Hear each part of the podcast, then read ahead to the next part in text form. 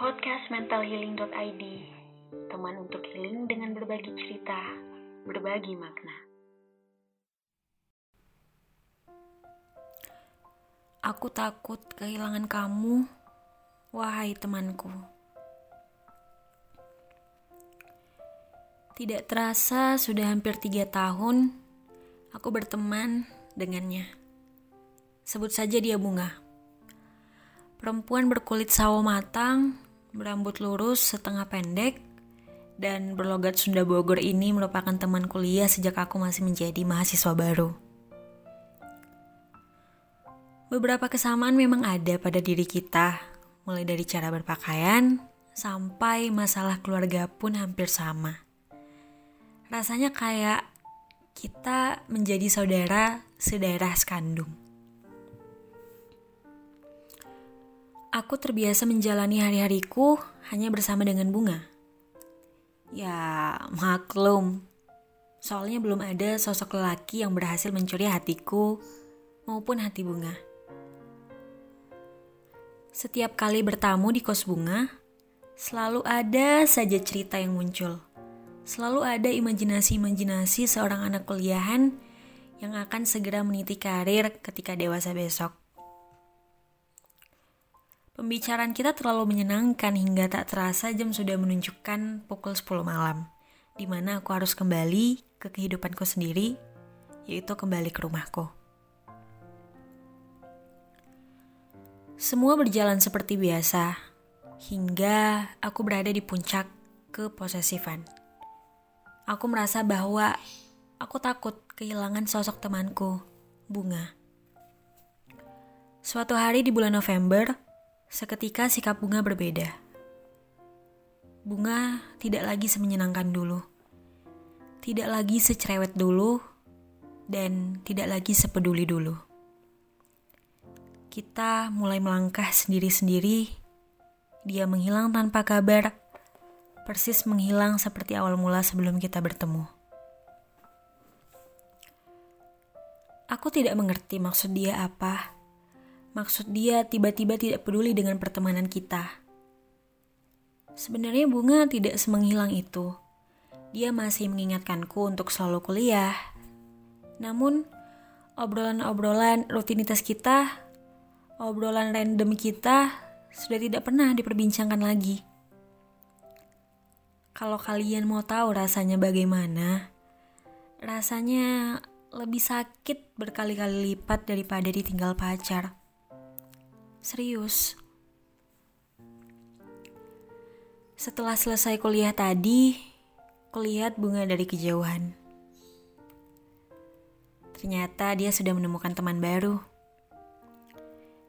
Teman yang hanyut dalam tawa canda mereka berdua. Suara mereka sangat nyaring sehingga aku bisa mendengar obrolannya.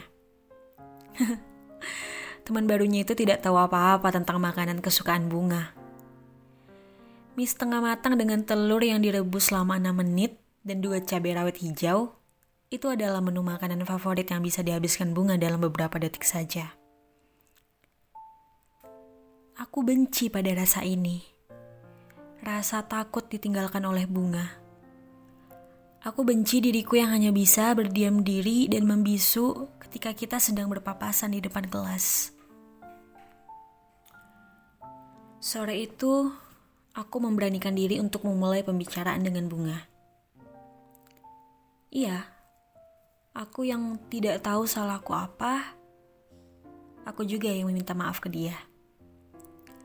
Mungkin kalian berpikir bahwa seharusnya bunga yang bersalah karena menjauhiku kan? Saat itu aku berpikir bahwa jika tidak ada yang mau mengalah, masalah akan semakin besar. Gosip-gosip jelek antara kita lambat laun akan berdatangan, dan skenario terjelek adalah Bunga tidak mau lagi mencari temanku. Singkat cerita, aku dan Bunga sudah menjadi teman lagi. Kami sudah melakukan beberapa hal yang biasanya dilakukan sebelum-sebelumnya. Kami sudah bisa tertawa lepas, membahas hal-hal random, dan bepergian bersama. Saat ini, aku lebih mementingkan kebahagiaan bunga daripada diriku sendiri.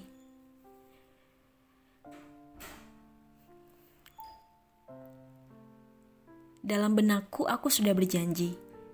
Kejadian kemarin tidak akan terulang kembali. Pernah suatu waktu, ketika kuliah sedang sibuk-sibuknya, aku mengerjakan tugas selama seharian full. Saat itu, Bunga meminta tolong untuk mengerjakan tugasnya karena dia sedang tidak enak badan. Kebetulan dosennya sama, sehingga tugas yang diberikan pun sama. Walau tugasnya sama, namun dosen ini sangat teliti akan adanya plagiarisme. Jadi tidak ada yang boleh mencontek satu sama lain. Hmm, tanpa berpikir panjang, aku mendahulukan tugas bunga daripada tugasku. Bodohnya aku adalah aku tidak memperhatikan deadline tugas yang sudah diberikan. Dan ya, tugas bunga sudah selesai aku kerjakan 5 menit sebelum deadline tugas berakhir.